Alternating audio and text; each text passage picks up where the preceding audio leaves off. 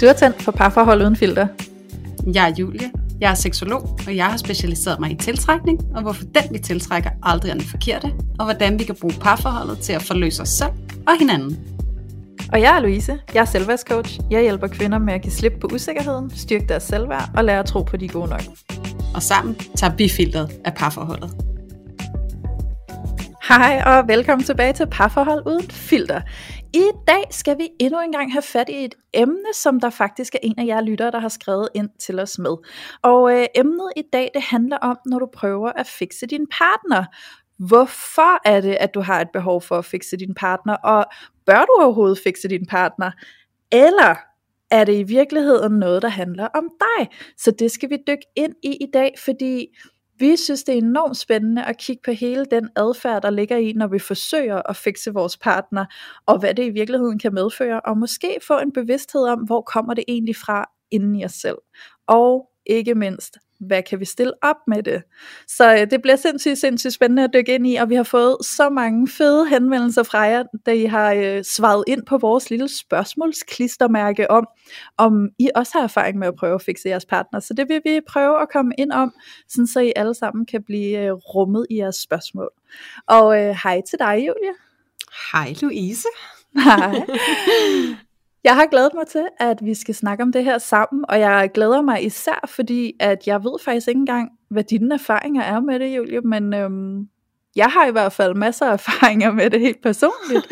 så det glæder jeg mig til at dele, men først og fremmest har jeg lyst til at spørge dig, Julie. Hvad er dine erfaringer? Har du også prøvet at stå der og godt ville fikse din partner?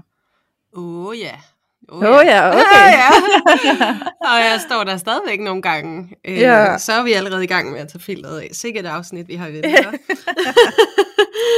øhm, Jo, jeg har min kæmpe færre share af erfaringer med at ville fikse min partner. Øhm, ja, både nu, men også øh, helt klart i fortiden. Øhm, og jeg har også en hel del erfaringer med veninder og øh, mennesker generelt, og henvendelser omkring gerne at vil ændre noget ved sin partner. Og jeg tror, at det er sådan jeg tror, det er noget, mange af os øh, går og bøvler med, eller går og får lyst til på et eller andet tidspunkt i livet. Så jeg tænker måske også allerede nu, øh, sådan indledningsvis at sige, øh, hey, det er egentlig ret så normalt, tænker jeg, at man kan komme hen til det punkt, hvor man tænker, åh, gid, at du bare var lidt anderledes, hvad det her angår, eller på den her måde, eller du var lidt mere ligesom Karsten derovre i nummer 4, eller lidt mere ligesom Torben hen på arbejdet, eller hvorfor er du ikke ligesom Camillas mand, han gør altid, eller alle de her tanker, og det er jo lidt igen over til noget, vi jo har snakket om mange gange før, Louise, det her med at kigge lidt over til naboen, gå og sammenligne sig rigtig meget, og altså i dag mere end nogensinde, så går vi jo og sammenligner os med alverdens ting og mennesker og situationer og film, og jeg skal komme efter dig. Og der er altid noget, der ser lidt mere fantastisk ud, end det vi selv står i. Og det er jo fordi, at vi står og kigger på fiktion og prøver at sammenligne det med mm. vores virkelighed. Ikke? Jo. Så der er jo bare et kæmpe, hvad kan man sige, øh, kløft imellem de to dimensioner. Og, øh, og det kan skabe den her frustration og, hvad kan man sige... Øh, det her ønske om at ville ændre sin partner og lave ham om, sådan, så det passer lidt bedre til en selv. Og, øhm, og nu sagde jeg også til dig, inden vi begyndte at optage, Louise, at jeg spurgte min kæreste her, inden at vi gik i gang, om øh, hvad hans erfaringer egentlig er med det her med at ville ændre sin partner, fordi jeg er lidt nysgerrig på, om det måske er sådan lidt en kvindeting egentlig et eller andet sted, øh, eller om det måske er meget dominerende for mange kvinder, at vi gerne vil ændre vores partner. Og øh, til det så sagde han, og der er ikke noget øh, belæg eller noget forskning bag det her svar, det er ren og skær øh, subjektiv observation, han har gjort sig, og det er, at han siger, at øh, næsten alle kvinder, han kender til og har mødt, de vil gerne ændre deres mand, og næsten alle mænd, han kender eller har mødt, de vil bare gerne have, at hans, deres kvinde bliver ligesom da de mødte hinanden.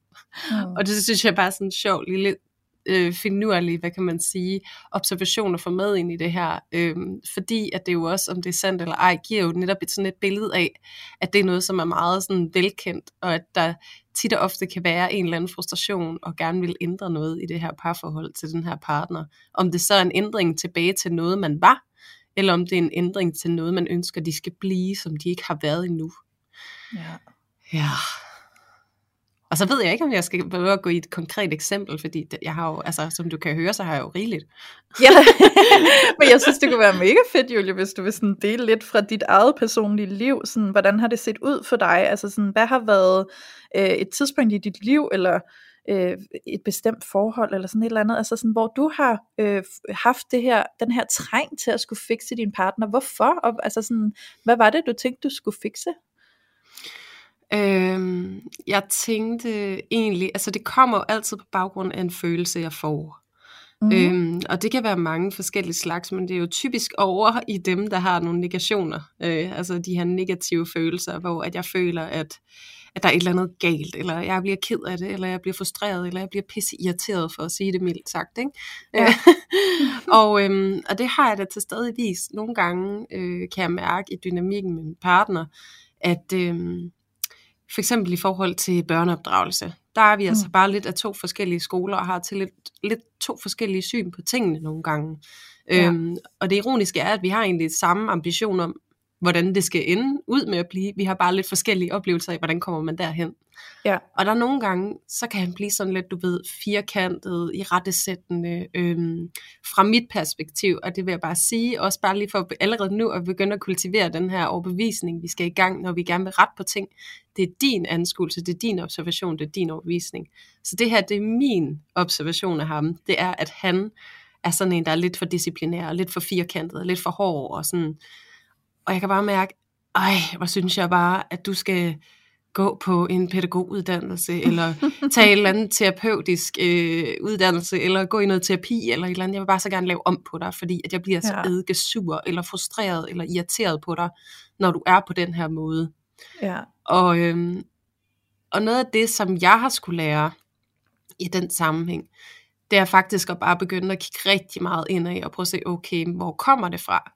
Fordi at hvis jeg så prøver at trække mig lidt selv ud af den følelse, så har jeg faktisk erfaret af flere omgange, at hvis jeg prøver at kigge på situationen igen, så kan jeg se, at det er faktisk okay både for min søn, og det er også okay for ham. De har bare en anden måde at interagere på, end jeg har. Mm. Der er ikke nogen, der bliver ramt eller såret her. Øh, altså der, det, det virker sådan let, øh, når jeg kigger på det med nogle klare briller. Men når jeg er i det her øh, slørede øh, syn på situationer, hvad der sker, og hvordan min kæreste han er og gør, så kommer det jo fra et sted, hvor at jeg selv måske har haft nogle følelser, som jeg ikke har delet med endnu. Øhm, ja.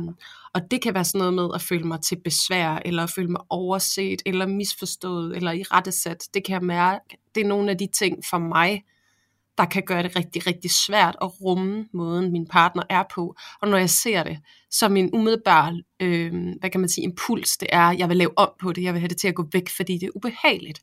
Fordi ja. det minder mig om noget, det fremkalder noget i mig, som jeg har ondt i stadigvæk. Mm. Øhm, og det er noget af det, jeg godt kunne tænke mig, at vi får kigget på i det her afsnit, Louise. Jeg ved ikke, altså jeg kunne rigtig godt tænke mig også at høre, hvad, hvad dine erfaringer er med det, om det her, jeg fortæller lige nu, måske også er noget, du kan genkende i den her lyst til at ville fikse sin partner eller ændre på dem. Uha, nu skal du høre, Julie. jeg, har jo, øh, jeg har jo en fortid som øh, superfixer. yeah. Eller sådan øh, fuldstændig full-on dramatrækant, krænker, redder og offer. Ikke? Øhm, og altså jeg kunne jo tage den store tykke bog frem, og så bare begynde at slå op historie for historie, ikke? men lad os lade være med det. Øhm, ja. jeg har lyst til at backtracke til et parforhold, jeg var i, da jeg var i midten af 20'erne. Øh, hvor at jeg blev sindssygt tiltrykket af den her fyr, som var øh, en af de her lidt bad boys. Der var noget rod. Der, der, der var noget rod i hans liv, og han var en rod, og der var noget ballade, og der var, øh, der var nogle ting, der ikke helt spillede, og, og og jeg så jo, altså, det er jo svært at beskrive, ikke? for det var jo en ubevidst tiltrækning. Mm. Men jeg kan jo godt se det nu. Altså jeg kan jo godt se, at jeg blev jo tiltrykket af det der sådan, uh, He's broken. Hmm. Oh, let me fix that. Mm, let me here fix. comes money. here comes money and fix you. yeah. Fuldstændig. Altså, det var, jo, det var i virkeligheden det, der nok skete ind, ind bag det hele. Ikke? Ja. Um, så jeg fik ham der på krogen, og vi blev kærester, og så gik fixeren i gang. Fordi nu skal du selvfølgelig, du skal holde op med at ryge, og du skal holde op med at tage stoffer, du skal holde op med at drikke så meget, og så skal du også begynde at træne, og så skal du dit, og så skal du det. Det var sådan meget konkret mange af de der ting. Øhm, Ja. Og jeg var jo efter ham hele tiden. Måske er dine venner også nogen, du skulle skifte ud. Eller, altså, du ved sådan, alt ved ham var jo et spørgsmål om, at jeg fik lyst til at rydde op i hans liv, og rydde op i hans følelsessystem. Og, altså, det var helt ned til sådan nogle detaljer, der hed, at øhm, han, han var ikke super sådan begejstret i forhold til mad. Altså det, det var sådan, mad for ham var noget, der bare skulle spises, hvis man var sulten, og så var det lidt ligegyldigt, hvad det var. Og det havde jeg Mm. faktisk svært ved at forholde mig til, var sådan, er der vidderligt ikke eller andet mad, der kan begejstre dig? Eller sådan, altså det er sådan lidt tørt, at det bare skal være mad, og der ikke er noget, hvor du tænker, åh, det der kunne være lækkert at få. Ikke? Så sådan nogle bitte små detaljer, kunne jeg sidde og blive sådan lidt bitchy over. Ikke? Ja. Øhm, så der var jo nærmest alt ved ham, som jeg synes skulle være anderledes. Og det var jo nok den her følelse af, nu retter vi ind og rydder op og gør dig sådan ordentlig. Øh, fordi Ja. så kan du passe ind til det, jeg jo i virkeligheden søger. Øhm, og det handlede jo så sindssygt meget om mig, fordi man kunne også sige, hvis man skulle kigge sådan objektivt og oppefra, øh, så kunne man også sige, "Men Lys, du skulle nok ikke have indgået i en relation med en, øh, der er så forkert i dine øjne. Ikke? Altså sådan, men det er jo Ja. ikke den, altså det, det kunne jeg jo ikke se dengang, og det var ikke det, jeg havde behov for dengang. Jeg havde jo behov for åbenbart at gå ind i det, fordi der er jo de her øh, forløsende og krænkende aspekter i spil i det her, så det handlede jo sindssygt meget om noget inde i mig. Øhm, og noget jeg sådan aldrig nogensinde har glemt fra den relation og hele det her fixerspil, jeg kørte med ham, det var faktisk, at jeg i rigtig høj grad forsøgte at presse ham til at holde op med at ryge cigaretter. Og øh, han gik faktisk med på, at han godt ville forsøge. Og det, der er sådan lidt ærgerligt, når jeg kigger tilbage, det er, at han ville ikke holde op med at ryge. Men han, han gjorde det lidt på bekostning af, at jeg pressede ham. Ikke? Og øh, så husker jeg, at vi går, og så begynder jeg at være, øh, altså jeg var sgu nok ikke skidesød, det kan jeg godt skrive på, det tør jeg godt at sige, jeg var ikke skidesød. Men så Own it. begynder jeg, at, ja jeg owner det, øh, så begynder jeg at pinpoint det der med sådan, okay, men hvor mange cigaretter har du røget i dag, og hvorfor har du det, og skulle du ikke lade være, næ, næ, næ, næ. Og så kiggede han på mig, og det, altså, han var faktisk sådan lidt genert, lidt tilbageholden, øh, sådan lidt konfliktsky, så det var ikke ret ofte, han sagde noget, så det, det kom også lidt bag på mig, han sagde noget. Så kiggede han på mig, så siger han, altså Louise, det er faktisk rigtig svært at være i det her, for det er som om, du bemærker kun alle de fejl, jeg laver, men du bemærker ikke alt det, jeg forbedrer. Så alle de cigaretter, jeg ikke har røget i dag, dem tænker du ikke over. Du tænker kun over de få cigaretter, jeg så røg alligevel. ja. Og det synes Ja. jeg faktisk, altså sådan, det, grunden til, at jeg tager det med, det er, fordi jeg synes, det er en vigtig detalje, det der med sådan, gud ja, Ja. jeg har jo ikke engang givet dig credit for den effort, du gør. Jeg har ikke engang givet dig credit for det, du faktisk har forsøgt. Jeg bliver bare ved med at slå ned på der, hvor du stadig fejler. ja. Øh, og det gik sådan lidt op for mig, da han sagde det, men jeg var lidt for stolt til at indrømme det, så jeg kørte bare videre i mit bitch mode, ikke? øhm, men det er altså også denne her relation, der endte enormt dramatisk for mig. Han forlod mig fra den ene dag til den anden, var han bare ikke hjemme, og så var vi ikke kærester på Facebook længere, og jeg stod bare der og tænkte, hvad, hvad er det, der foregår? Øhm, og der blev jeg ramt så hårdt, jeg knækkede fuldstændig, og det var faktisk anledning til, at jeg startede i psykoterapeut, øh, psykoterapi for første gang. Mm. Og der blev jeg aller, aller første gang i mit liv præsenteret for dramatrikanten, og det gik så meget op for mig, hvordan jeg havde lavet øh, krænker og redder og offer i den relation med ham. Jeg havde krænket ham, fordi jeg forsøgte at redde ham, og jeg var et offer, når han ikke var den, jeg ville have, han skulle være. Mm. Og øh, det var den vildeste opvågning for mig til at se, hvor meget af det her fikseri, det i virkeligheden handlede om alt det rod, der var inde i mig. Frem for alt det rod, der overhovedet var i ham. Så jeg synes bare, at det her, det taler ind i nogle af de spørgsmål, vi har fået, der hedder sådan, hvorfor er det egentlig, jeg gør det? Hvorfor er det, at jeg bliver ved? Hvorfor er det, at jeg opsøger det? Øhm, det gør du, fordi der er et eller andet inde i dig, du ikke har fået ryddet op i. Der er noget inde i dig, du ikke selv har fået forløst. Så du opsøger at kunne gøre det, altså processere det over på andre, og så gøre det derover i stedet for at gøre det ind i dig Hmm. selv. ja. Øhm, det, den, den, altså, jeg har lyst til at lige sige, at jeg tager den for egen regning, den udtalelse, men det er sådan, jeg ser det. Det er mit perspektiv ja. på det. Øhm, ja, så det ved jeg ikke, om du genkender, Julie. Jo, men det gør jeg. Øh, Jeg, jeg sidder bare og sådan, ja, selvfølgelig er det det, der sker, øhm, fordi det er også det, der er min egen klare erfaring. Og ja. jeg har jo også, altså den her, øh, jeg arbejder også ud fra tesen om, at, at det, som provokerer dig, provokerer dig, fordi du har et eller andet, du kan relatere det til ind i dig selv. Der er et eller andet. Ja. der forstyrrer i forvejen. For, og det kan I jo se sådan helt lavpraktisk, hvis I prøver at bemærke, øh, og det kan være med jeres partner, det kan være med en veninde, eller en ven, eller et eller andet, hvor I bliver vildt provokeret af noget, og den anden er sådan, ja, whatever. Altså, Ja. og, og så bliver de til gengæld provokeret af noget helt andet. Så det der med, at det har ofte en eller anden relation øh, til noget inde i os, noget som ligger ubearbejdet. Og igen, det er, det er jo, hvad er det, der er sådan et eller andet gammelt bibelcitat, det er, hvor det er, sådan, det er nemt at se tornen i den andens øje, men ikke at se bjælken i ens eget, ikke? Øhm, Åh, er det godt. ja, og det er jo det, altså det er jo bare, og så nu ikke fordi det skal blive religiøst eller noget, øh, Nej. fordi, men jeg synes bare, det er sådan en fin måde at anskue det på, fordi det er tit det, der sker, øhm, og det er jo også, og, og det kan være, at nogle af os har den øhm, øh, erfaring allerede, at det der kontrol, som det jo også er et udtryk for, det der kontrol og det der fikse behov, det opstår jo oftest i nogle kaotiske situationer. Og det Ja. er jo ofte sådan, for de fleste af os, når vi rent faktisk er et, på et punkt med vores partner, og vi kan jo tage forelskelsen som eksempel, øh, hvor vi er i en fase, hvor vi egentlig har det godt med vores partner. Øh, det spiller, og vi er forelskede, og så synes vi jo, de er helt og aldeles perfekte. Og så er det jo, når at, at der kommer, der går hverdag i den, eller alle de der forelskelseshormoner, de har fortaget sig, så er det, vi begynder at se dem for, hvem de virkelig er, og så har vi brug for kontrol. Øhm, fordi det kan godt træde i stedet for den der forelskelse, det er behov for at kontrollere og afrette, og tit og ofte faktisk som øh, så kommer det jo på, på øh, bagsmækken af, at man jo har behov for at komme lidt tilbage i den der forelskelse. Du var så perfekt, og nu, er du, nu er det bare, nu er der alle de her ting, og jeg vil bare så gerne have rettet det af, så jeg kan elske dig igen. Mm. Øhm, eller så jeg kan føle mig forelsket igen. Og, øh, og det er det, der tit og ofte, også sådan set fra mit perspektiv, bliver problemet. Det er det her med, at vi forsøger at kontrollere og afrette, øh, fordi det immer væk et eller andet sted føles ironisk nok nemmere at ændre den anden, end det er at se ind i noget af ens eget lort. Ja. Ja, det Virkelig. synes jeg er ret genialt sagt, Julie, fordi det giver jo så sindssygt god mening. Jeg sad sådan undervejs og tænkte sådan, øh, eksempelvis ham jeg lige talte om, der havde jeg faktisk ikke den der sådan honeymoon phase, hvor det hele bare så fedt ud, og det var bare godt, og der var ikke noget, jeg ville rette på. Jeg ville faktisk ret lige fra starten af. så det er, der er også forskellige måder, man kan opleve det på, ikke? Øhm, Klart. men jeg fik lyst til sådan at sige, altså til alle jer, der lytter med, som kan genkende jer selv i det her, sådan et reflekterende spørgsmål kunne godt være, hvad er det, du godt vil opnå med alle de der ting, du godt vil fikse ved din partner? For jeg tror nogle gange, så får vi ikke engang overvejet vores øh, hensigt, altså vores intention med at gå og fikse. Vi fikser bare, vi ser et eller andet, fix, ser noget Mm. andet, fix, ser noget andet, Ja. fix. Og så bliver vi irriteret, hvis de ikke retter ind. Men, men hvad er det egentlig, du har gang i? Altså sådan, prøv lige at stoppe op og kigge dig selv i spejlet, og så spørg dig selv, hvad er det, jeg forsøger at opnå?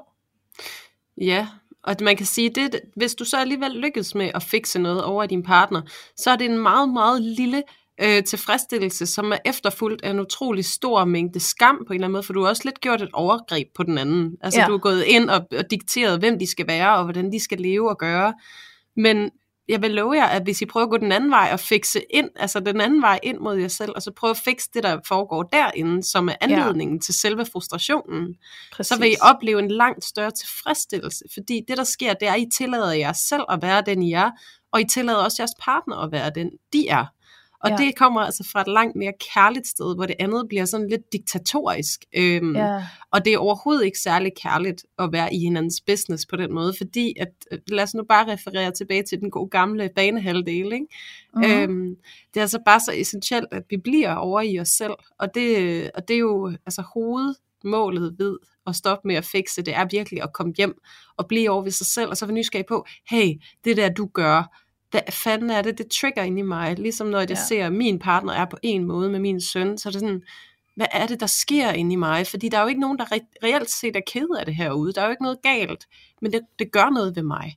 Og jeg ja. kan have lange, lange snakke, og det har vi også haft om opdragelse og værdier og det ene og det andet, og vi har også været i terapi, og, og det hele ender egentlig tilbage med, hvad er det mit eget issue er? Hvad er det, jeg har med? Hvad er det, jeg har af erfaringer, der gør, at det her påvirker mig så meget? At min frygt, den er så, altså, øh, big beyond comprehension. Altså, den er, øh, den er for stor i forhold til det, der i virkeligheden sker. Og det Ja. tænker jeg også er sådan et godt pejlemærke på, hvornår ved du, at du reagerer på noget fra fortiden, og prøver at fikse det lige nu over i den anden. Men så er det også fordi, du måske har en lidt voldsom reaktion i forhold til det, der i virkeligheden sker. Mm. Øh, Mhm. hvis han smider underbukserne ud på badeværelset, øh, hvad er det, du får det til at betyde igen? Er det betyde, får, får du det til at betyde, at han ikke sætter pris på, at du holder et pænt hjem, eller rydder op, eller at han er bare pisse ligeglad, eller, altså igen, hvad er det, der er jo nogle underliggende ting, som er rigtig vigtige at få øje på. Og så også ja. tilbage til, det typisk et eller andet, det har rod i noget, du kan genkende. Følelsen af at være overset, følelsen af at være ubetydelig, følelsen af ikke at være værdsat, øhm, som jo er reelle, svære følelser. Men det er mm. dem, du skal ind og have fat i og få øje på, og så er det det, der skal kommunikeres, i stedet for, nu skal du samle de fucking underbukser op, fordi jeg gider fandme ikke gå her og lege din mor. Ja. Øhm, så ja. prøv at sige, ved du hvad, jeg føler bare, at jeg føler mig fuldstændig overset. Jeg føler ikke, at du sætter pris på mig. Jeg føler mig lille. Jeg bliver simpelthen så ked af det når det her sker, vil du ikke hjælpe mig med at finde ud af, hvad det handler om? Eller i hvert fald sådan, tale med mig om det, sådan, begynd at afdramatisere det, du mærker, tage ansvar for det, du mærker. Ja. Øhm, I stedet for at sige, nu skal du fandme til at rette ind og ændre dig. Ikke? Jo. Øhm, fordi noget af det, der også skal ske, er min erfaring, hvis det er, at vi bliver ved med at vedholde, at du skal forandre dig. Så øh, ligesom en af jer kære lytter også har skrevet i, øh, i spørgsmålene inde på Instagram, så kan der ske det her med, at vi ender med at kastrere vores kæreste. Øhm, fordi det der også sker hver eneste gang, det lykkes os et eller andet sted at fikse den anden, så mister vi også noget respekt for dem, og de mister ja. respekt for sig selv. Ja. Så vi afvikler, vi devaluerer det menneske, som vi har valgt at være sammen med. Og jeg er helt sikker på, at dig, som sidder og lytter med derude, du kan godt selv høre, hvordan det lyder. Det er altså ikke kærlighed, det er ikke partnerskab. Øhm, nej, det er det bestemt ikke. Nej, så det der med, at vi skal virkelig bare passe på med ikke at devaluere hinanden og nedgradere hinanden. Og ja. det tror jeg er sådan en key ingredient i det gode parforhold. Det er virkelig at vedblive ved den respekt over for det andet menneske og deres særegenhed. Ja, fordi det du ja. i virkeligheden siger, når du kommer for at fikse din partner, det er jo faktisk, du er ikke god nok som du er du skal lige forandre dig og være bedre, hvis, hvis du skal fortjene mig og min kærlighed. Det er jo indirekte det, der lidt ligger i, når vi udviser en adfærd, der hedder, fix lige det her ved dig, sådan så jeg bedre kan elske dig. Ikke? Præcis. Øhm, og, øh, og så tænkte jeg også, altså et, et andet reflekterende spørgsmål, jeg, jeg sådan kom i kontakt med, da du snakkede jo lidt, det er jo det her med at spørge sig selv, så når du kan mærke behovet for at fikse, hvad er det så for en uro, du mærker inde i dig selv? Ja. Der er et eller andet inde i dig, der larmer, og hvad er det? Og, og hvorfor er det, du ikke kigger på det? Eller hvorfor er det, at du ikke tør kigge på det? Eller måske har du slet ikke fået øje på, at der er noget, der larmer ind i dig. Så prøv lige at få øje på det. Fordi at 100% i det øjeblik, du prøver at fikse noget ude fra dig selv, så er det fordi, der er noget inde i dig selv, du ikke kan lide at tage fat om.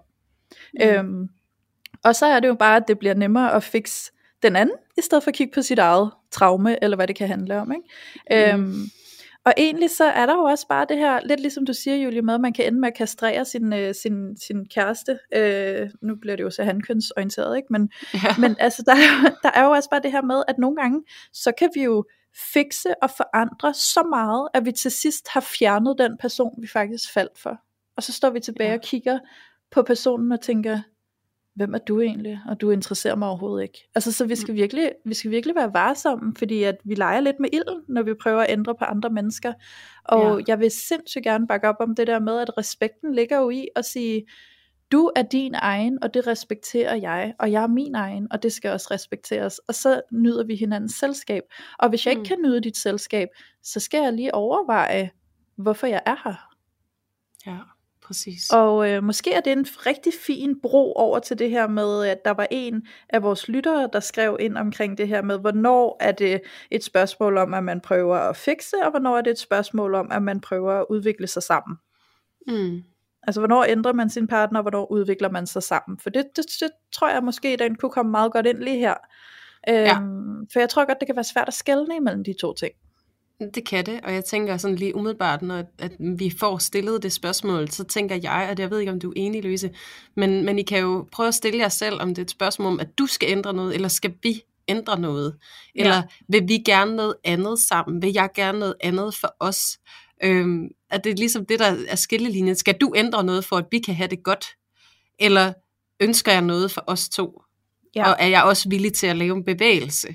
Ja, præcis. Så ja. det handler jo om det der med, er dit fokus på vores fælles dynamik, kunne jeg godt tænke mig, at vi arbejder på, eller er dit fokus på, der er nogle ting, du gør, som jeg godt kunne tænke mig, at du ikke skal gøre, eller der er nogle ting, jeg gerne vil have, du, du, du gør anderledes, eller altså sådan, er dit mm. fokus rettet på du eller på os?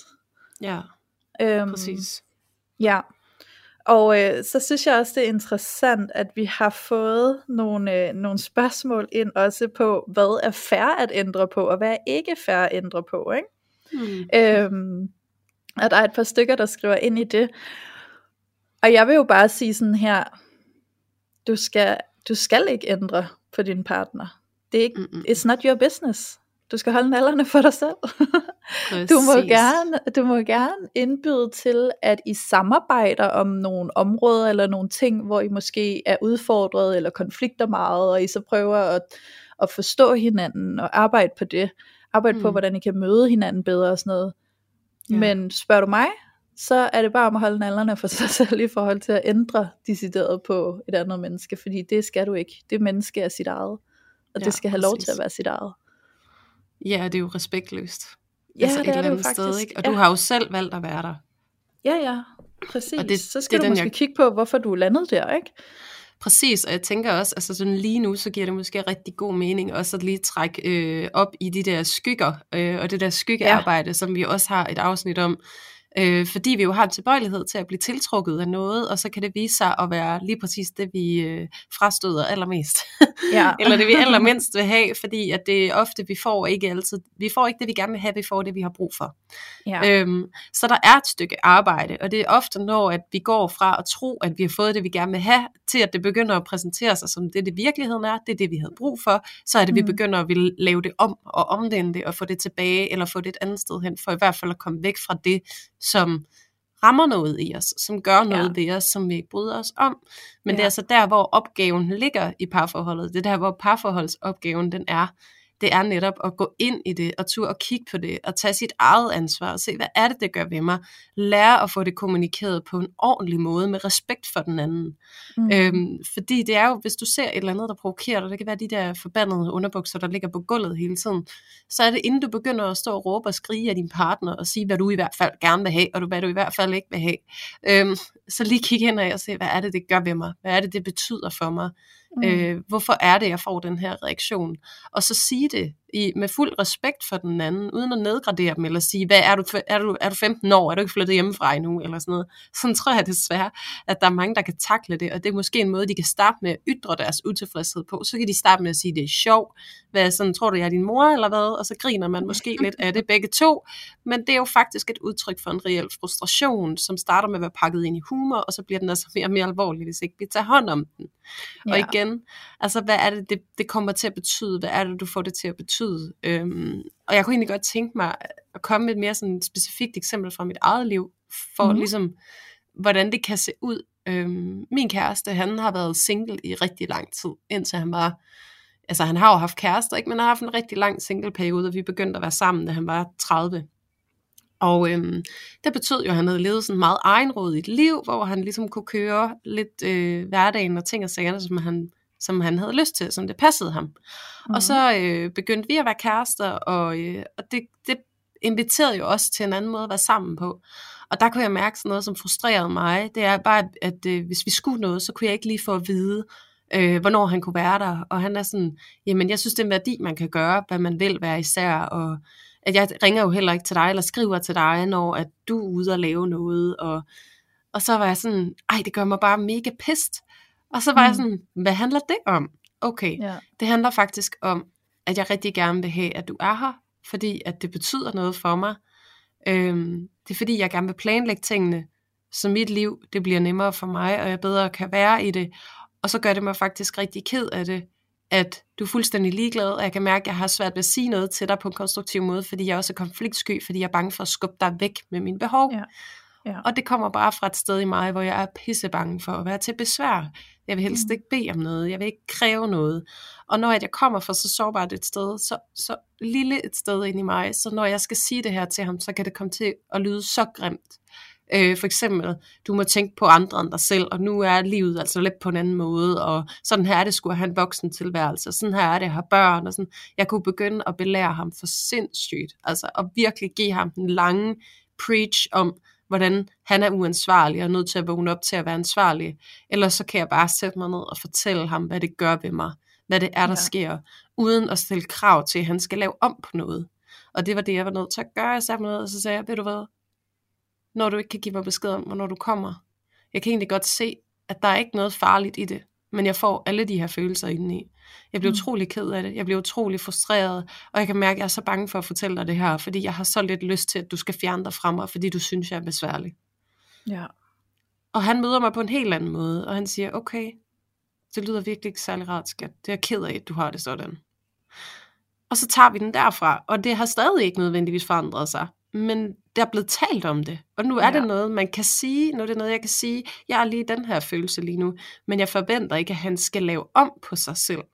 Nej. Og hvis det bliver stort nok og voldsomt nok, og det er der også nogle af jer, der spørger om, hvornår skal man så gå? Altså, hvornår er det bare sådan usammenligneligt? Hvornår ved vi bare, at vi ikke kan med hinanden? Jamen, ja. det er også noget at mærke, hvor stor er frustrationen? Kan du leve med det her? Kan du mm. ikke leve med det her? Står det lodret mod dine værdier som menneske? Der ja. kan jo også være sådan en skillelinje, hvor man virkelig skal mærke efter. For eksempel, at han er sådan en, hvis nu han aldrig vil melde sin ankomst, og bare kommer væltet ind og ud, som han ville, og lavet banegård, det vil være for meget. Men at han ikke lige når han er ude, skriver en sms om præcis, hvornår han er hjemme, det kan jeg egentlig godt leve med. Ja. Øhm, så, så det er det der med at, at få sat ord på, og tage ansvar for, og uden at gøre den anden forkert, eller ja, dømme præcis. dem, eller skamme dem, ikke? Jo, jo, lige præcis. Det handler sindssygt meget om det der med ikke at gøre hinanden forkert, ikke? Ja. Øhm, ja, jeg synes det er ret genialt det du siger, Julie, fordi det handler jo også virkelig meget om at mærke ind i det der med sådan, hvad er vores fundament, og hvad er alt det sådan ovenpå? Ja. Ikke? Ja. Altså sådan, der skal jo gerne være et fundament, som er stabil, hvor man kan sige, hernede, der ved vi i hvert fald, at vores værdier stemmer overens. Gør de mm. det, så er der meget, vi godt kan håndtere ud over ja. det. Men hvis der er rod i fundamentet, så er der rod i det, ikke? Altså, og så kan vi måske overveje, om det, om det ikke fungerer for os, fordi vi så bliver for ustabile sammen, ikke? Mm. Øhm, fordi der er jo også det der med, sådan, hvis der er for meget rod i det, jamen, så bliver vi jo enormt reaktive over for hinanden, og så bliver det meget dramatisk. Øhm, og jeg får også lyst til sådan at tage lidt ind i det, du sagde, Julie, fordi jeg sidder sådan her og kommer i kontakt med det der, der handler om forskellige perspektiver. Altså sådan ja. det der med, at, at jeg kan jo nogle gange godt se mig blind på, at jeg føler, at min måde er den rigtige måde. Ja, præcis. Og jeg kan godt føle, at jeg ved bedst, og jeg kan godt føle, at den måde, jeg synes, tingene skal være på, obviously er den rigtige måde, det skal være på. Ikke? Og så kan jeg jo blive helt blind for, at der også er måder, som min kæreste gør ting, eller er på, som, som jeg måske ikke umiddelbart lige forener mig med, men som jeg faktisk er sådan lidt blind for sådan, nå, det er ikke nødvendigvis forkert, det er bare en anden måde, og det kunne også være en lige så rigtig måde, og i virkeligheden så benefitter det bare noget andet, end det som jeg gør, altså sådan, ja. øhm, altså jeg kan godt, altså min kæreste, han er, altså han er sygt god social menneske. Altså sådan, han er sygt god til at være social, ikke? Øh, mm. Han er sådan en, det har altid været sindssygt nemt at have med, ham med i sociale sammenhænge, fordi han er bare hammer god til sådan at falde ind i alle mulige selskaber, uanset om man kender folk eller ej. Og okay. alle folk øh, er altid helt vildt øh, sådan positiv omkring ham i et selskab, fordi han er bare den her glade, opløftende øh, person, der kommer ind og kan snakke med alle mulige mennesker. Og han er sindssygt god til bare vidderligt at snakke med alle mennesker om, om hvad som helst, ikke? Og sådan god til small talk og sådan noget. Jeg er elendig til small talk, ikke? Jeg er jo sådan en der, der har, altså jeg er stik modsat, så jeg er faktisk sådan lidt social akavet nogle gange, ikke? Og jeg har faktisk enormt svært ved at være i selskaber, hvor jeg ikke kender folk, og jeg har svært ved small talk. Jeg er sådan en der, der bedst kan lide, at vi bare dykker direkte ned i dybet med det samme, ikke? øhm, og, og så kan jeg jo godt mærke, at nogle gange, når vi er i et selskab, så kan jeg sidde sådan og, jeg ved ikke om jeg skal sige bebrejde, men jeg kan sidde og have sådan nogle tanker på sådan, Åh, hvor du overfladisk, eller sådan, ej, du siger jo også bare, hvad folk godt kan lide at høre, og du er sådan bare sådan sweet talker, og sådan noget, ikke? Øhm, og i virkeligheden, så er det jo bare fordi, at jeg jeg trigger jo på det, fordi det er, jo, det er jo noget, jeg har svært ved, og det er noget, jeg tit føler mig akavet i, så det, jeg kan jo spore den direkte ind i mig selv, men det skal jeg jo opdage, fordi indtil jeg opdager det, så sidder jeg jo egentlig bare og bliver sådan lidt frustreret over det, ikke? Øh, og, og, og, og det er jo sådan nogle ting, vi skal få øje på, hvad handler det om over i dig? Hvad er det, det her har med dig at gøre? Fordi din reaktion handler udelukkende om dig. Øhm, og man kan sige, alt det drama, vi går rundt og har med os selv, det er jo det, der gør os reaktive udad til og blinde mm. på os selv, indtil vi får øje på, hvad det er, vi har gang i, og vi kan begynde at åbne op for nogle, nogle flere perspektiver, så som at jeg kan kigge på min kæreste og tænke, fucking fed evne du har til det der sociale liv. Hold du endelig fast i det, ikke? Jeg kunne også godt, altså sådan, hvis, hvis det endelig var, så kunne jeg jo godt have siddet og, og talt for, at det skal være anderledes, og sådan, men det har jeg ikke valgt at gøre, jeg har bare valgt at anerkende det, sådan du er. Jeg kan godt mærke, at der er nogle ting ved det, jeg reagerer på, og jeg kan mærke, at jeg får nogle holdninger til det, men jeg øver mig på at åbne mit perspektiv op for, det er faktisk en ret fed kvalitet, du har kørende der. Ja. Og jeg evner den bare ikke lige på samme måde, og det er måske i virkeligheden derfor, jeg reagerer på det. Ja, præcis. Ej, Fordi det så, så begynder jeg at forbinde det med alle mulige værdier, sådan, Ja, at, at så føler jeg sådan, det er vigtigt, at man kommer ud i et selskab og bare uh, kan være helt ærlig og rå i filten og sådan noget. Ikke? Det er sgu Mm. ikke altid, det passer ind. Og det er der, hvor jeg kan blive Nej. lidt socialt akavet. Ikke? Så, ja. øhm, så, så ja, det er virkelig det der med at kigge på, sådan, hey, der er ikke bare, at du har en måde, og så din måde skal være den måde, alt skal være på. Der er også andre måder, som også er rigtige, og som fungerer rigtig fint. Og det er måske bare ikke noget, der ligger i dine evner. Og så respektere det, og kigge på det, og sige, der kan være flere rigtige måder at være på. præcis. Og tilsvarende, så kan jeg også sige for mit eget eksempel med mig og min kæreste, at, at det her med, at han måske er lidt mere loose, og lidt bedre til nogle gange at lade tiden stryge, og tillade sig selv at være i det, han er i, og give sig hen til det, det kan jeg jo virkelig lære noget af. Altså. Ja. Fordi jeg kan virkelig godt lide kontrol, jeg kan virkelig godt lide struktur, og jeg kan godt, øhm, nu mange af jer ved godt, at jeg er vokset op øh, med en mor, der har været hjerneskadet, og det betød også, at der skulle utrolig meget struktur ind i vores liv, så jeg er virkelig ja. vokset op med struktur, og tingene skal forudsiges flere dage for inden, ellers så kunne hun ikke holde det ud. Øhm, og jeg har egentlig taget en del af det med mig, kan jeg godt mærke. Og det er igen, du får det, du har brug for, du får ikke det, du gerne vil have.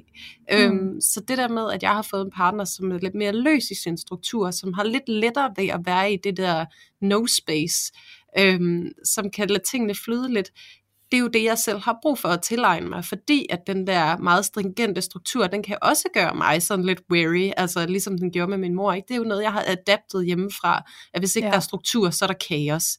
Ja. Øhm, og det er jo den frygt, jeg reelt set reagerer på, når han gør, som han gør. Ikke? Åh oh, nej, nu er der kaos, nu falder alting fra hinanden, fordi helt ærligt, hvis han ikke kommer ind ad døren og spiser aftensmad, det er jo ikke værre, end jeg kan lave lidt ekstra mad og sætte i køleskabet, så han også mm. Kan få noget, når han kommer hjem. Og mig og Ja. min søn, vi kan også godt hygge os med at sidde og spise sammen, altså selvom han ikke lige dukkede op. Så det der med, at det er okay at tillade de der ting at være okay, at tingene kan være omskiftelige, øhm, hvor at jeg kan være meget krakilsk på at skulle vide alting i forvejen, ikke? Ja. Så, så det er også det der med netop at så embrace, okay, jamen hvad kunne det give mig at tillade mig selv at være lidt mere i det der øh, flow, hvor at, at alting måske ikke er stringent eller streamlinet, eller der er en plan. Hvad kan der opstå i det? Og det er jo også noget af det, jeg så efterfølgende har lært, og det er måske også at få den nuance med ind i det, når du tillader din partner at være dem, de er. Måske tager dig selv i at stoppe med at være så frustreret, og så begynder at være nysgerrig i stedet for, hvad er det, du kan? Hvad er det, det her det er? Hvad er det, det her det gør ved mig? Måske er det noget, jeg faktisk ville have glæde af selv at kunne gøre. mm. Øhm, og så tage den og vende den. Det tror jeg bare er sådan rigtig fint, at du lige fik det med, Louise, fordi det er jo virkelig det, vi egentlig skal få øje på her, når vi prøver at fikse vores partner, det er, at det jo faktisk kan være nogle gaver øh, til os, Ja, som vi prøver at få til at gå væk. Ikke? Ja, jo jo. Og igen Ja. det der med, sådan, det behøver ikke at være, at du skal adaptere det.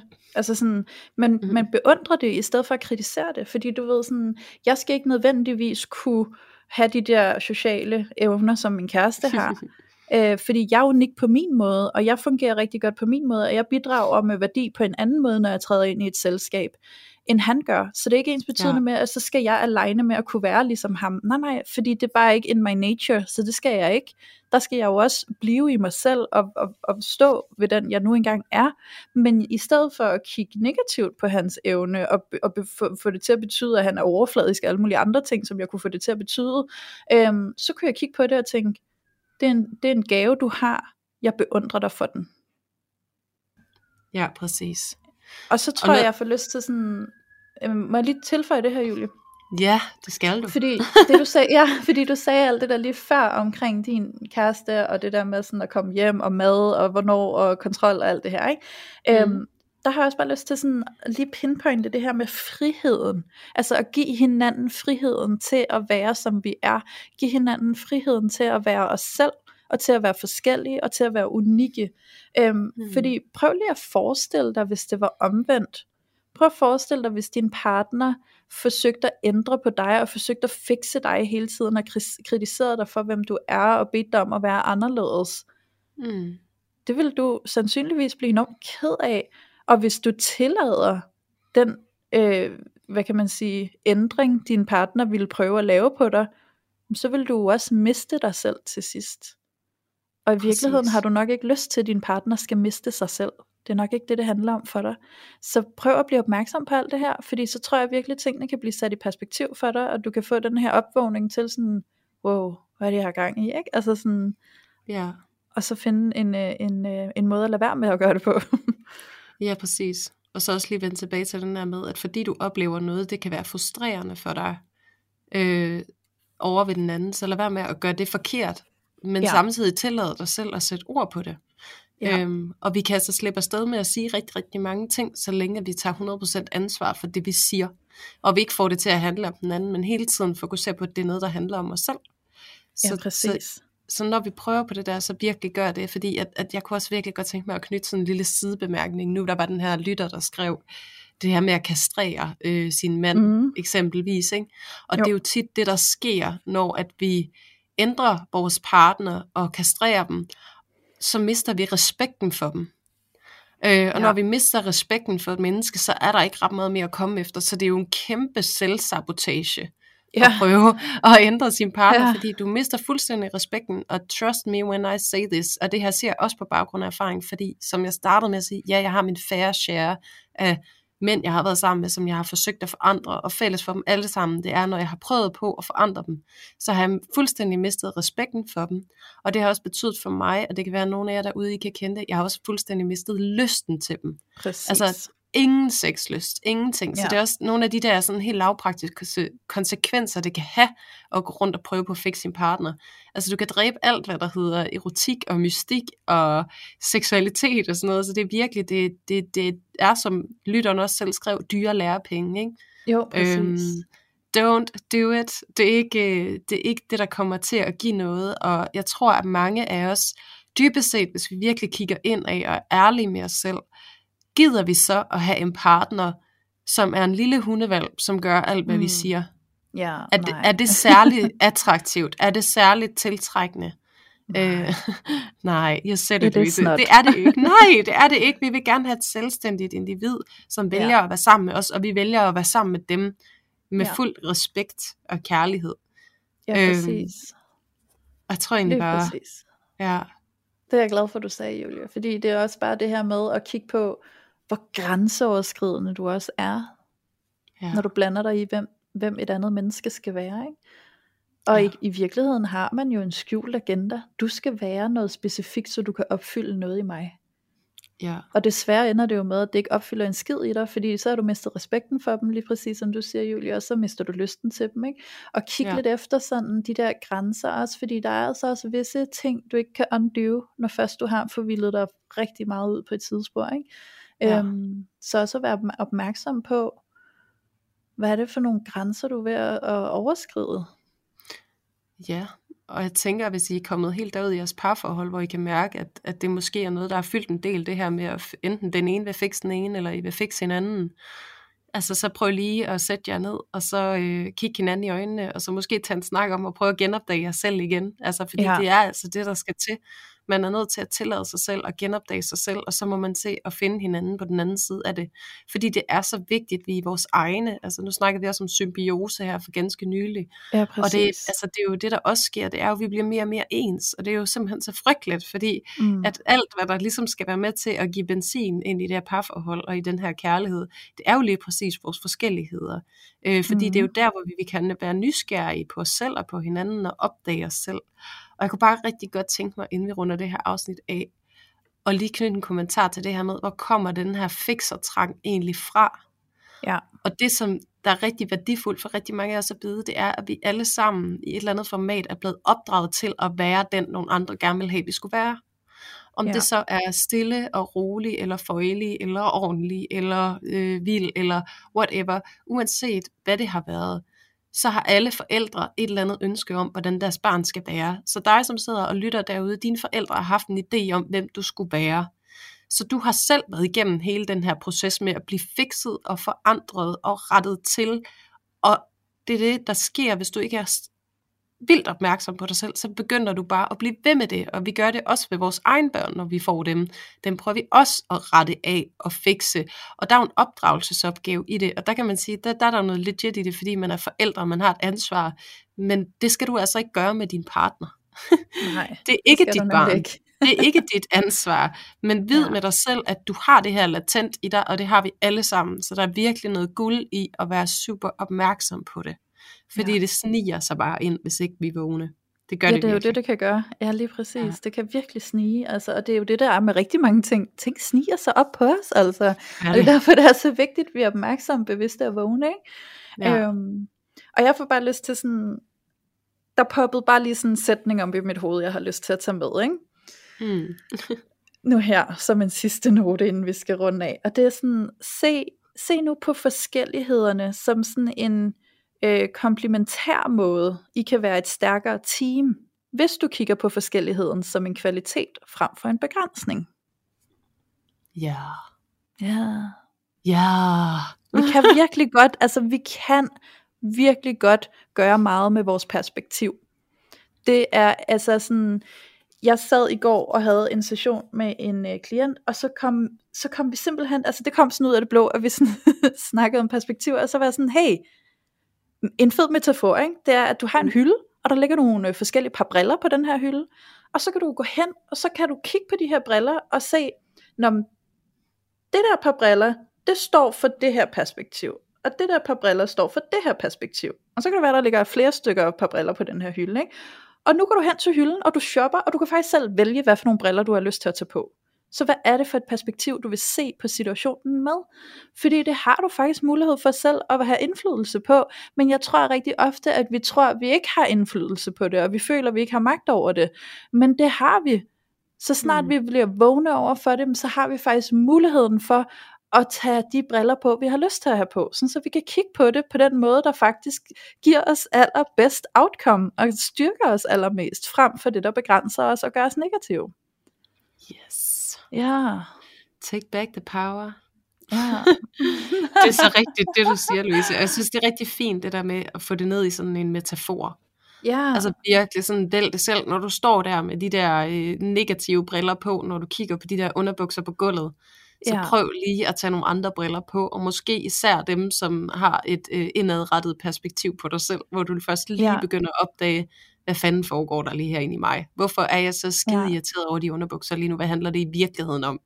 Og prøv, altså sådan, prøv at lege med, at du kan definere de der forskellige perspektiver, fordi nogle gange så kan det være sygt svært at stå i det, og så se negativt på det, og så tænke sådan, Nå, nu skal jeg prøve noget andet, ikke? hvad fanden, hvordan ser det ud? Ikke?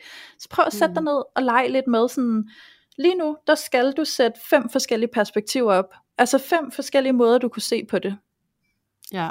Så i stedet for kun at kigge på det som, åh, hvor er du også irriterende, og det er helt forkert, og, næ, og hvis bare du var sådan her lidt anderledes, så ville det også være meget bedre, og sådan, ikke? Okay, så prøv lige at kigge på det en gang til, og så, og så skal du finde på en ny historie, og så skal du kigge på det en tredje gang og finde på en ny historie, og så skal du lige finde på fem forskellige historier, fem forskellige perspektiver, og så kan du lige prøve at arbejde lidt med, om ikke godt du kan få øje på noget, der er en lidt, lille smule mere givende, end det mm. negative perspektiv, du startede ud med, ikke? Yes. Ja. Så er det bare ikke om at, at lave lektier, kan jeg høre. Ja, værsgo, så er der hjemmearbejde. ja. Det er nogle af, ligesom, nogle af de der film, der, hvor de viser den samme situation fra flere forskellige karakterernes synspunkt. Ja. ja, præcis. Det er det, du skal i gang med. Du skal ja. simpelthen hjem og search yourself, og finde ud af, ja. hvordan du kan se på den samme situation på forskellige måder. Fordi der er jo et væld af muligheder, hvis først vi åbner os op for det. Og det kan bare være så befriende øh, at Ej, opdage. det er faktisk ret fedt, det du siger, Julie. Ja. Fordi ja. jeg sidder og tænker sådan, det er lidt ligesom sådan, øh, øh, altså en film eller en bog, hvor der er en historie, og så bliver den fortalt fra de forskellige karakterers side. Ja, præcis. Altså sådan, nu er det datteren, der taler, og hvordan har hun oplevet det hele, ikke? og nu fortæller moren, hvordan hun har oplevet det hele, nu fortæller kæresten, hvordan han har oplevet det hele. Ikke? Det er jo faktisk en virkelig god måde, du kan anskue det her på, og faktisk tage det i brug som et værktøj for dig selv. Så prøv lige at overveje, der er den her situation, du fortæller historien fra din øh, synsvinkel, hvordan vil historien lyde fra din partners synsvinkel? Og hvad kunne du så få ja. øje på, hvis du, hvis du lige prøver at tænke, hvordan ville den her film se ud, hvis det var min partner, der havde instrueret den? Ja. For der er helt sikkert noget, du kan få øje på, som er blind for dig lige nu, ikke? Og som ja, kan forløse noget. Præcis, og sådan helt lavpraktisk, så ville man jo faktisk kunne invitere sin partner til en samtale om de der underbukser.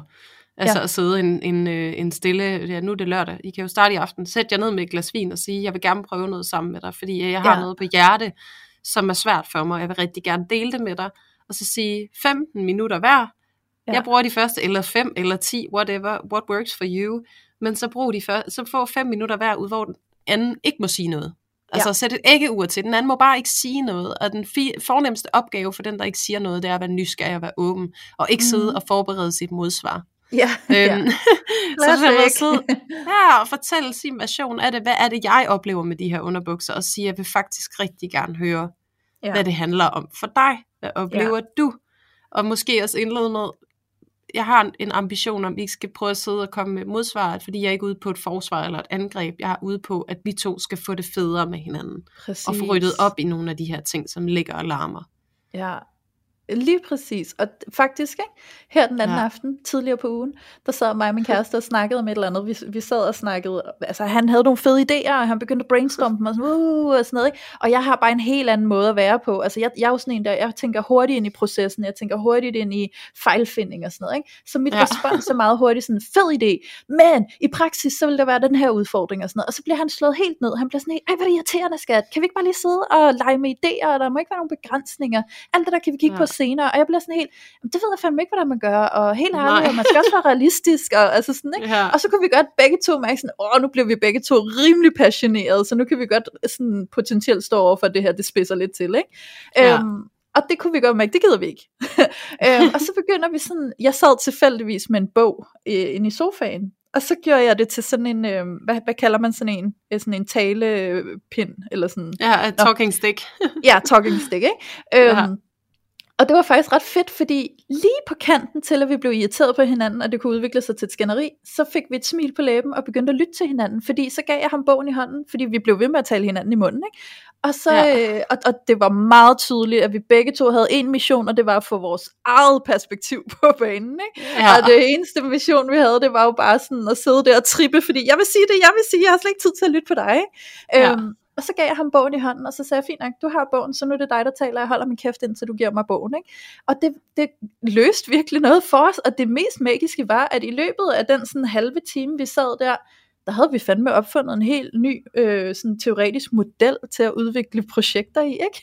Ja. øhm, og det var ret vildt at se, og det var så fantastisk, og vi respekterede det der med, du har bogen, så det er dig, der taler, og jeg tiger stille, og det, det hvad kan man sige, indbød også til, at jeg skulle være tålmodig og lytte til ham, sådan så jeg forholdt ja. mig til det, han sagde, i stedet for at jeg bare sad og bryggede på, hvad jeg godt ville sige. Ikke?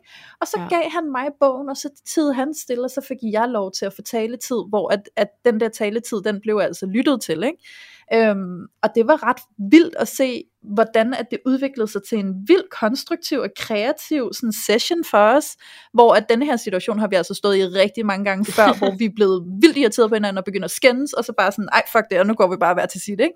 Så det var ja. altså øh, virkelig effektivt og meget lavpraktisk, og jeg kan virkelig anbefale det. Det lyder helt fantastisk. Ja. Virkelig. Ej, men jeg kender det, men der er bare så, og det er så pissegodt et eksempel, fordi det er det der med virkelig at opdage, hvad guldet er i at give den anden plads. Ja. Altså hvor meget det også giver dig selv. Du tror, at det du selv får det godt af, det er at lave om på den anden. Men det du egentlig selv får det godt af, det er, at du tillader din partner at være sig selv også. Ja. Og giver dem plads til at vise sig, som de er. Fordi som sagt, som jeg også sagde tidligere, det er bare så temporary fix, at du får trumfet et eller andet igennem. Det føles ja. ikke godt, fordi du har domineret den menneske på en ufed måde. Sådan, ja. Og det der med, at, at når I gør det der, dig og din kæreste, så er det jo virkelig bare sådan, altså virkelig fysisk at give hinanden plads. Altså sådan, mm-hmm. Og der er jo sådan et helt token på det, den der talking book, eller ja, ja. risposen, eller hvad fanden, ja, ja. er det posen, eller hvad vi har været udsat for igennem tiderne. Altså ja. det at tage det i brug, det bliver bare sådan en tydelig manifestation af, at det er det, vi gør lige nu. Vi giver hinanden ja. plads. Og Præcis. så kan I bare skabe noget magisk. Jamen det så kan synes, man det virkelig. er skide fedt eksempel. Ja, Ja. ja. Skal vi ikke, altså skal vi ikke runde af med det? Fordi... Det synes jeg faktisk. Nu synes jeg ligesom, at det er det helt rigtige tidspunkt. Ja, ikke? Det føles jo. godt nu. Kan du mærke det? Ja, det kan jeg nemlig Der er ikke noget, du vil fikse. Der er ikke noget, du lige vil ændre. Nej, all is good. Jeg rummer alt, hvad der er. Ej, du er så dygtigt og færdigt menneske. Wow. I'm so sin. ja, det er det. Oh. Ja, nej, det er så fint, Julie. Lad os runde af her. Det er det, vi gør. Ja. Kæmpe mega meget tak for i dag, Louise. Selv tak, Julie. Det har været virkelig, virkelig spændende. Ja, det har det. En ja. sand fornøjelse, og det er det hver gang. Ja, det er det virkelig. Så er der jo kun øh, tilbage og sige tusind tak, og tusind tak til alle jer lyttere, der har lyttet med, og kæmpe, kæmpe tak for, at I endnu engang har været med til at tage filteret af parforholdet.